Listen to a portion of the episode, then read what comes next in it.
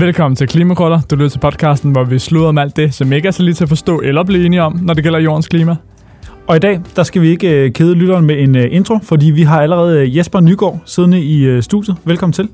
Du er administrerende direktør i Realdania, en filantropisk forening. Vil du ikke fortælle lytteren og os, hvad betyder det, og hvordan arbejder I? Meget gerne, og, og tak for invitationen. Realdania er en øh, 22 år øh, ung eller gammel øh, institution, stiftet i år 2000, hvor vi øh, op til der havde eksisteret i mere end 130 år hvor vi havde ejet Realkredit Danmark, øh, og til sidst også BG Bank, og dem solgte vi så til øh, Danske Bank i efteråret 2000.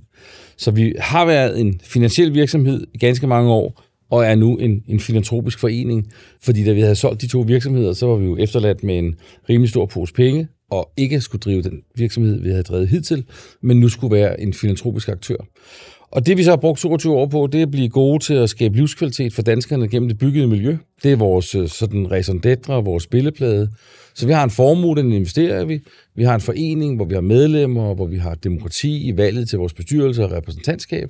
Men man kan sige, at hovedfunktionen af det, vi laver, det er at dele penge ud og dele viden ud for at øge danskernes livskvalitet gennem det byggede miljø bredt i Danmark, og næsten kun øh, i Danmark. I gennemsnit har vi delt en milliard ud siden år 2000, så det er også en relativt stor øh, spiller i det filantropiske marked. Det er sådan en hurtig, kort forklaring på, hvad Realdania er.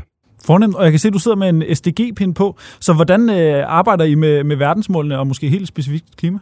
Det, det er meget svært ikke at beskæftige sig med klimaet, når man, når man arbejder med det byggede miljø, og når man arbejder med livskvalitet. Øh, man kan sige, det byggede miljø binder mere end 40 procent af, af CO2'en, både når det anlægges, når det skal bortskaffes, og når, når, vi, når vi bor der og driver det.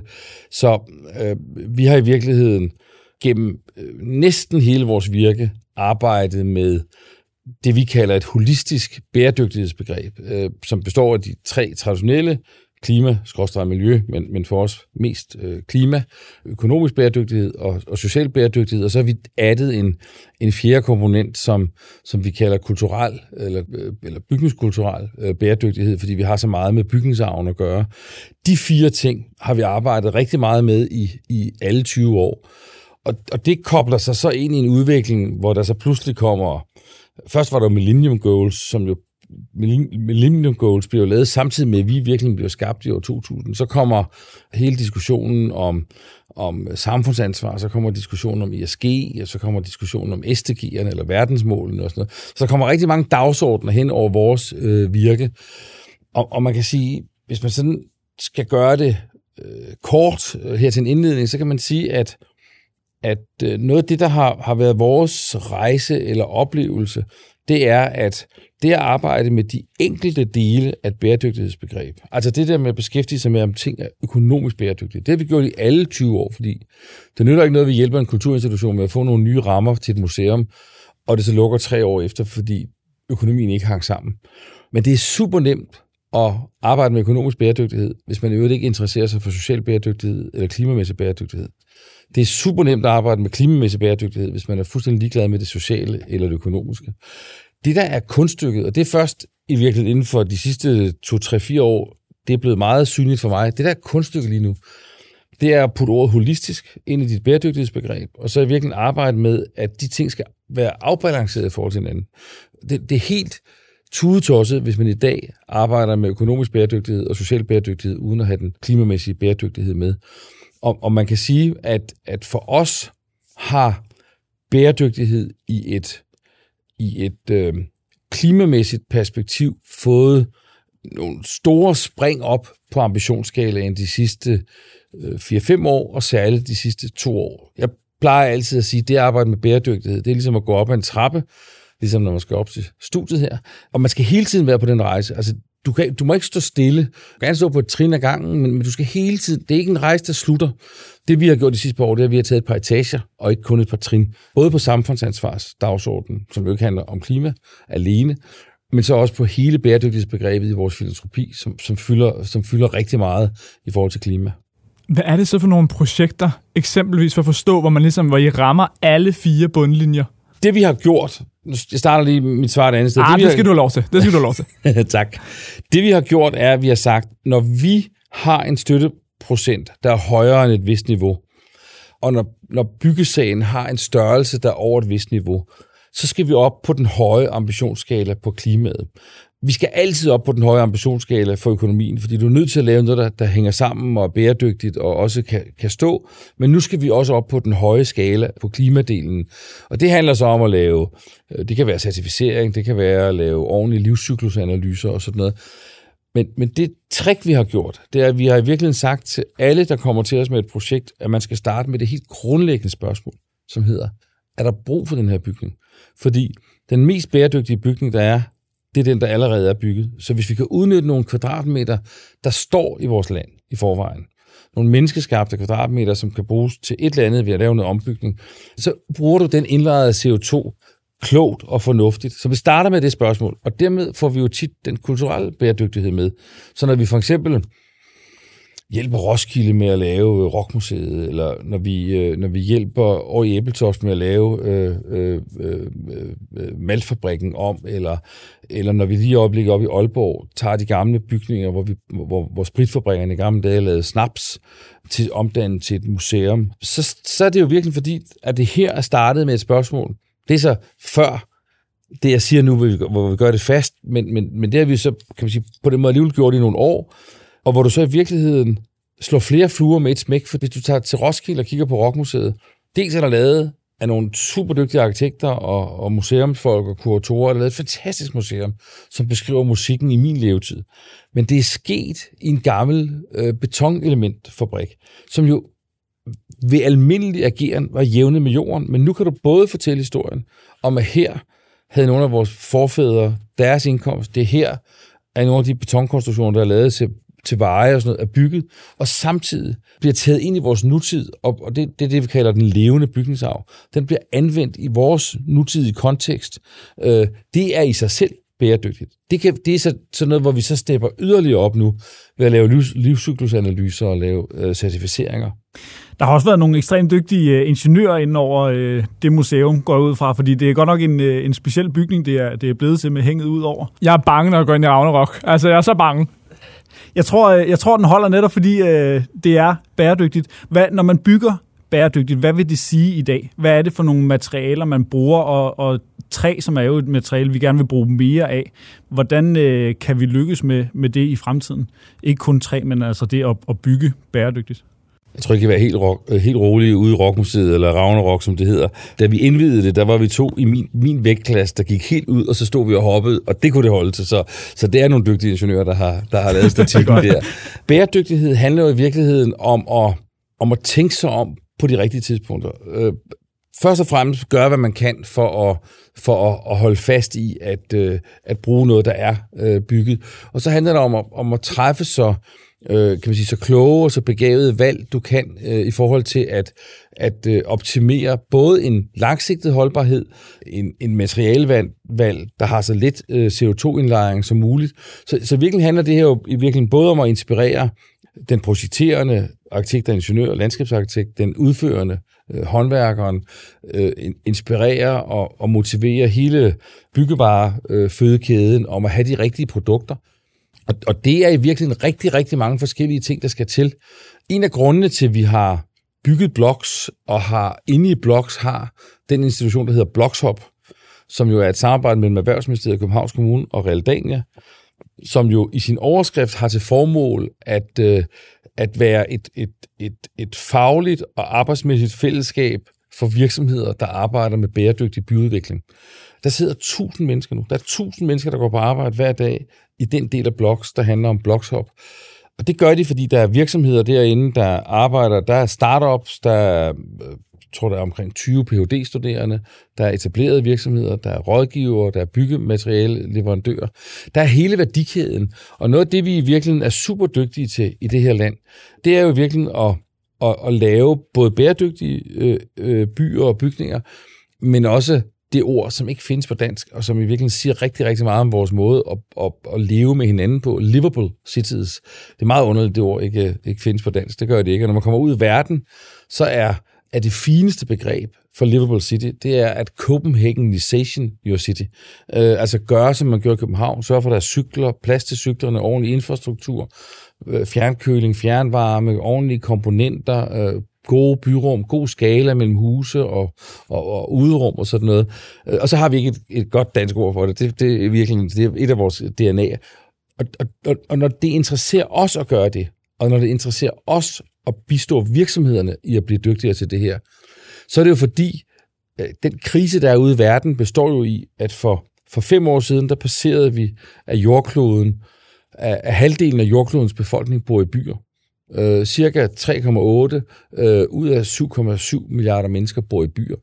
Om 28 år, i 2050, der er FN's mest forsigtige prognose, det er 75 procent bor i byer, og at, at jordens befolkning er 10 milliarder. Det betyder, at de næste 28 år skal der bygges by i jordkloden til lige så mange mennesker, som der lige nu bor i by. Og det er enten jordklodens undergang, eller også er det jordklodens redning, hvis vi gør det rigtigt. Tænk, hvis de her byer kunne designes, så man ikke laver en metro 600 år efter, den er blevet lavet, men kan gøre det fra starten af. Tænk, hvis man kan lave byerne, så affaldsbortskaffelsen, så nedkøling eller opvarmning, alt efter hvor det er på jordkloden. Tænk, hvis man kan gøre de her ting rigtigt og begavet. Og der har vi bare nogle virksomheder. Vi har nogle unge mennesker med startup virksomheder. Vi har alle mulige i det her land, der kan hjælpe. Så hvis vi også har lyttebøfferne på og kan gå ud i verden og inspirere dem, og så tage ny viden med hjem, så er det her måske virkelig en redning af vores velfærdssamfund. Fordi det, vi gjorde i 70'erne med øh, vindmøller, er jo det, der i virkeligheden har skabt den velstand, I har fået en uddannelse på baggrund af, eller i gang med at tage en uddannelse på baggrund af. Det, for at gøre det fremadrettet, så kunne de her virksomheder, og dem er der tusind, der er tusind mennesker, der møder op på den her dagsorden. Der er rigtig mange, der siger til mig, øh, hvorfor støtter vi virksomheder? Hvorfor støtter vi PhD, erhvervs og, og sådan noget?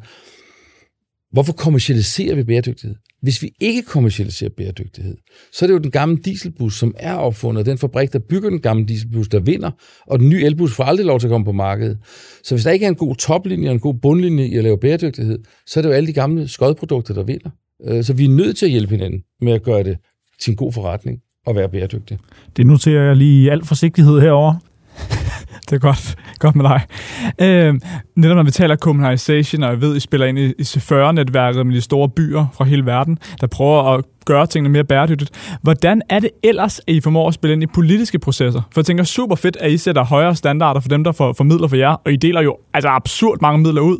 Men hvordan sørger I for, at de standarder ligesom spreder sig ud til resten af samfundet også? Noget af det, der er er styrken, og i min optik i virkeligheden også begrænsningen. Men noget af det, der er det mu, den, den, den balance, man skal gå på, når man arbejder i en institution som Realdania, som jo er en fondslignende filantrop, men jo er en forening. Så der, der er grænser for, hvor meget vi kan, vi kan bosse løs, øh, og hvor meget vi kan trykke igennem. Vores legitimitet kommer alene af vores handlinger. Så vi går ikke ind i politiske processer som sådan en bedserviser, der, der blander sig, men vi, vi tør arbejde problemdrevet, og vi tør arbejde dagsordensættende, men, men vi er ikke sådan en organisation, der handler om, hvad vi synes. Vi står på viden, så vi gør rigtig meget ud af at, at samle erfaringer op, viden op, som så kan bruges. Og så noget af den forskning, der er lavet om fonde, den største for, forskel på en, på en filantropisk aktør og en kommersiel aktør, det er, at den kommersielle aktør gemmer øh, sin viden, fordi det er jo den måde, man patenterer, at man kan lave et produkt på. Hvorimod den filantropiske aktør har en, den, den naturlige forventning fra et samfund om, at al viden er open source. Og, og det kan godt lyde enormt højrød, når man, når man har det daglige ansvar for at dele øh, over en milliard ud i gennemsnit. Men det vigtigste, vi deler ud, det er altså ikke pengene. Øh, det er viden. Og det er jo også den måde, vi så går ind i politiske og alle mulige andre processer. Det er at bidrage hele tiden konferencer, bøger. Hvis I går ind på vores, vores øh, hjemmeside, så er der en videnshop med, med mange hundrede publikationer. Hvis I går ind på vores, vores YouTube-kanal, så er der flere hundrede øh, videoklip og sådan noget. Fordi det handler i virkeligheden om at få viden ud at leve, bruge viden, og altid, når vi støtter, så skal der være en, der skal være en filantropisk grund. Der skal være en grund til, at man har brug for den filantropiske kapital, og markedet ikke selv kan klare det, eller staten ikke selv kan klare det. Og så skal der være noget nyt. Altså, det at lave det samme projekt 8. gang, fører ikke noget nyt med, så der skal hele tiden være en ambition om, at det bliver en lille smule smartere end før. Og der kan man sige, da vi stod i år 2012 og tænkte, nu, der har vi lavet en masse om regnvand, og vi har lavet en masse om, om hvordan du gør byer mere resiliente eller modstandsdygtige over for klimaforandringer og sådan noget. Så tænkte vi, vi bliver nødt til at ligesom før jeg sagde, vi bliver nødt til at gå en, gå, en, gå et trin op ad den der trappe, eller måske en etage eller to, og, og gøre et eller andet. Og der startede vi virkelig med en analyse om, skulle vi, skulle vi lave en ordentlig satsning i Danmark? Og, og der var vores konklusion, at hvis, hvis vi for alvor skulle være med til at flytte den her dagsorden, og når man skal flytte en dagsorden, så skal man først og fremmest flytte et mindset. Altså, du skal have folk til at tænke på en ny måde.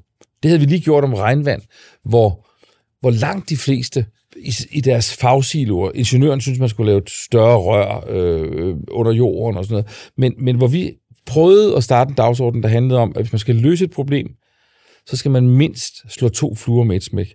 Og det vi jo kom op af ved nogle års arbejde fra 0'erne til 10'erne, øh, det var jo virkelig den der med dobbelt værdi på regnmandsløsninger, hvor man, øh, hvis man kan lave en konstruktion, det kan man lave rigtig mange steder, øh, hvor man 355 eller 57 eller 59 dage om året har en eller anden rekreativ funktion ved det, du har lavet. Det kan være en skaterpark, det kan være et sted, hvor du kan spise is ved havnen, eller hvad det nu kan være, mens det, eller et parkeringsanlæg, eller hvad det nu er. Og så de sidste syv dage om året, der hvor det har væltet ned med regn fra oven, der er det skaterpark, så et vandreservoir, eller den, øh, den øh, mole, du sidder på, altså den, der beskytter dig mod havvandet eller noget andet, så det altid har en dobbelt funktion, så det også skaber livskvalitet, når det ikke blæser, eller kommer stormflod, eller vand fra oven. Og da vi så skulle flytte det, og skulle arbejde videre med det, så, så var vores konklusion, vi, vi var nødt til at gå ud i verden. Og selvom vi er sådan en institution, der er rigtig meget er fokuseret på danske ting, så måtte vi simpelthen kon- konkludere, at øhm, klimaet respekterer ikke menneskeskabte bygrænser eller menneskeskabte landegrænser. Derfor skulle vi ud i den store verden. Og der mødte vi så ved sådan nogle undersøgelsesprocesser, lidt due diligence og lidt held, og at de også havde set os, øh, Michael Bloomberg, som jo på det tidspunkt var en transformation, for det havde været Clinton, øh, Bill Clinton og hans fond, øh, Bill Clinton Foundation, der havde startet C40, til den var i sådan en transformationsproces over mod Michael Bloomberg, som jo lige var ved at holde op på det tid, lige var holdt op som borgmester i New York, sammen med en engelsk fond, der hedder SIF, Children Investment Fund Foundation, øh, under det navn, med kæmpe stor størrelse og virkelig, virkelig dygtige folk. Og for os var det så muligheden for på den ene side at komme tæt på nogle internationale kollegaer, det bliver man også dygtigere af, og på den anden side være med til noget, som, som var en kæmpe satsning. Altså kæmpe beløb, vi skulle give. Lidt bekymret for, at vi ville få ordentlig hug over, nu lavede vi klima på den store... Hvorfor skulle vi hjælpe Mumbai og Rio de Janeiro og New York med at lave klimaplaner, når, når Fredericia, Frederikshavn og Frederikssund havde brug for det? Men, men den der organisation, som vel havde 14 medarbejdere der i 12-13 stykker, da vi træder ind, den har nu næsten 300 medarbejdere, øh, og når den hedder C40, så var det, fordi der først var 20 byer, så var der 40, Øh, nu er der 97, men man har ikke, man har ikke skiftet, man har holdt op med at skifte navnet, øh, så nu hedder den C40. Og, og det, som den institution kan, er med nogle af verdens dygtigste folk at hjælpe nogle af verdens største byer. Altså det er jo, det er jo, øh, det er jo anselige dele af vores globale BNP, der produceres i de byer, der bor op en milliard mennesker i de her byer. De er forgangsbyer, de gør en masse ting. Det er gratis at være medlem, men du bliver smidt ud, hvis du ikke lever op til nogle, hvis du ikke er compliant og lever op til nogle, nogle bestemte krav om, hvordan du arbejder med klimaet. Og det de så gør efter Paris-aftalen, det er, at de udvikler en klima Climate Action Plan, CAP hedder det på C40. Fancy. øh, hvad hedder det? Øh, og den der Klima Action Plan, Climate Action Plan, den, den og de der store byer, det var et vilkår. Vi lavede noget, der hed Deadline 2020. De skulle være færdige inden udgangen af 20. Det var så der, hvor vi sagde, den må vi kunne få dansk. Vi må kunne tage den der metode, som bruges af Mumbai og New York og Rio de Janeiro og Johannesburg, og så få danske byer til det. Og så udviklede vi C20, øh, undskyld, DK 2020 øh, ud af det, øh, og fik 20 danske byer med, øh, meget ambitiøse, og som har arbejdet med det, og sidenhen har vi fået kommunernes landsforening og de fem regioner med, og har i dag øh, 95 ud af 98 kommuner med, plus København, der jo er C40-medlem. Så 96 ud af 98 kommuner er ved at lave en Paris-kompatibel klimaplan. Det er der intet andet sted i verden, der bare er til nærmelsesvis i nærheden af. Og for en regering, og så kan du sige, hvordan får vi så politisk indflydelse, som var dit spørgsmål? Det gør vi jo ved ikke at ville have politisk indflydelse. Men her tilbyder vi jo virkelig et næsten enigt folketing, som gerne vil lave en 70% målsætning. En maskine, eller et vehicle, eller hvad sådan noget hedder på nudansk, som jo virkelig... Altså, vi kan ikke undvære staterne til at sætte rammerne og lave energipolitikken, og føre udenrigspolitikken og sikkerhedspolitikken. Men de kan ikke udføre det, de gerne vil, uden nogle duers ude i kommunerne, som ikke bliver genvalgt, hvis busserne ikke kører, hvis affald ikke bliver hentet, hvis, øh, øh, hvis, der ikke er, hvis, man ikke, hvis, hvis man lige i øjeblikket ikke kan omlægge til centralvarme eller fjernvarme osv. osv., osv. Øhm, og derfor er de to ikke hinandens modsætning, de er hinandens forudsætning i klimakampen. Og dem hjælper vi lige nu med at lave en klimaplan, som er med til at prioritere deres indsats. Øh, Samsø, som får et instrument til, hvordan de kan gøre sig endnu mere øh, selvforsynende, for eksempel. Kommune for kommune kan man se, hvordan deres, deres ting kan blive meget mere konkrete, og det er en gave til kommunen, øh, det er en gave til samspillet mellem kommuner, det er en gave til samfundet, fordi det kan være med til at implementere en national øh, politik, og så er det i virkeligheden noget super, super sundt. Øh, vi lærer, at vi aldrig må, vi må ikke tage en Disney-film og kopiere den, fordi der bryder vi copyrighten, og vi må ikke tage fotografens fotografi og kopiere det, uden at skrive, hvem der har taget det. Fuldstændig rigtigt. Men man må gerne tyvstjæle en klimaløsning fra kommune A til kommune B, og så tilpasse den egen forhold. Og, og hvor det er fuldstændig ulovligt at gøre det med Disney-filmen, så er det tudetosset ikke at gøre det øh, med klimaløsninger. Så det her med at lære mennesker at samarbejde, de må gerne konkurrere om, hvem der er forrest i bussen, men først og fremmest skal de lære at dele viden, fordi det er sindssygt svært, den rejse, vi er på. Ikke nok var det et fantastisk svar i omfang og kvalitet, men det var også en god reklame for næste uge, hvor, hvor Leila, direktør i, i KL, hun kommer ind, så jeg tænker, det er da bare en årsag til at lytte med igen næste uge. Lige præcis. Jeg tænker, øh, tak fordi du kom ind, Jesper. Det var en øh, fornøjelse, og øh, skønt at høre, hvad I har gang i i Realdania. Anytime.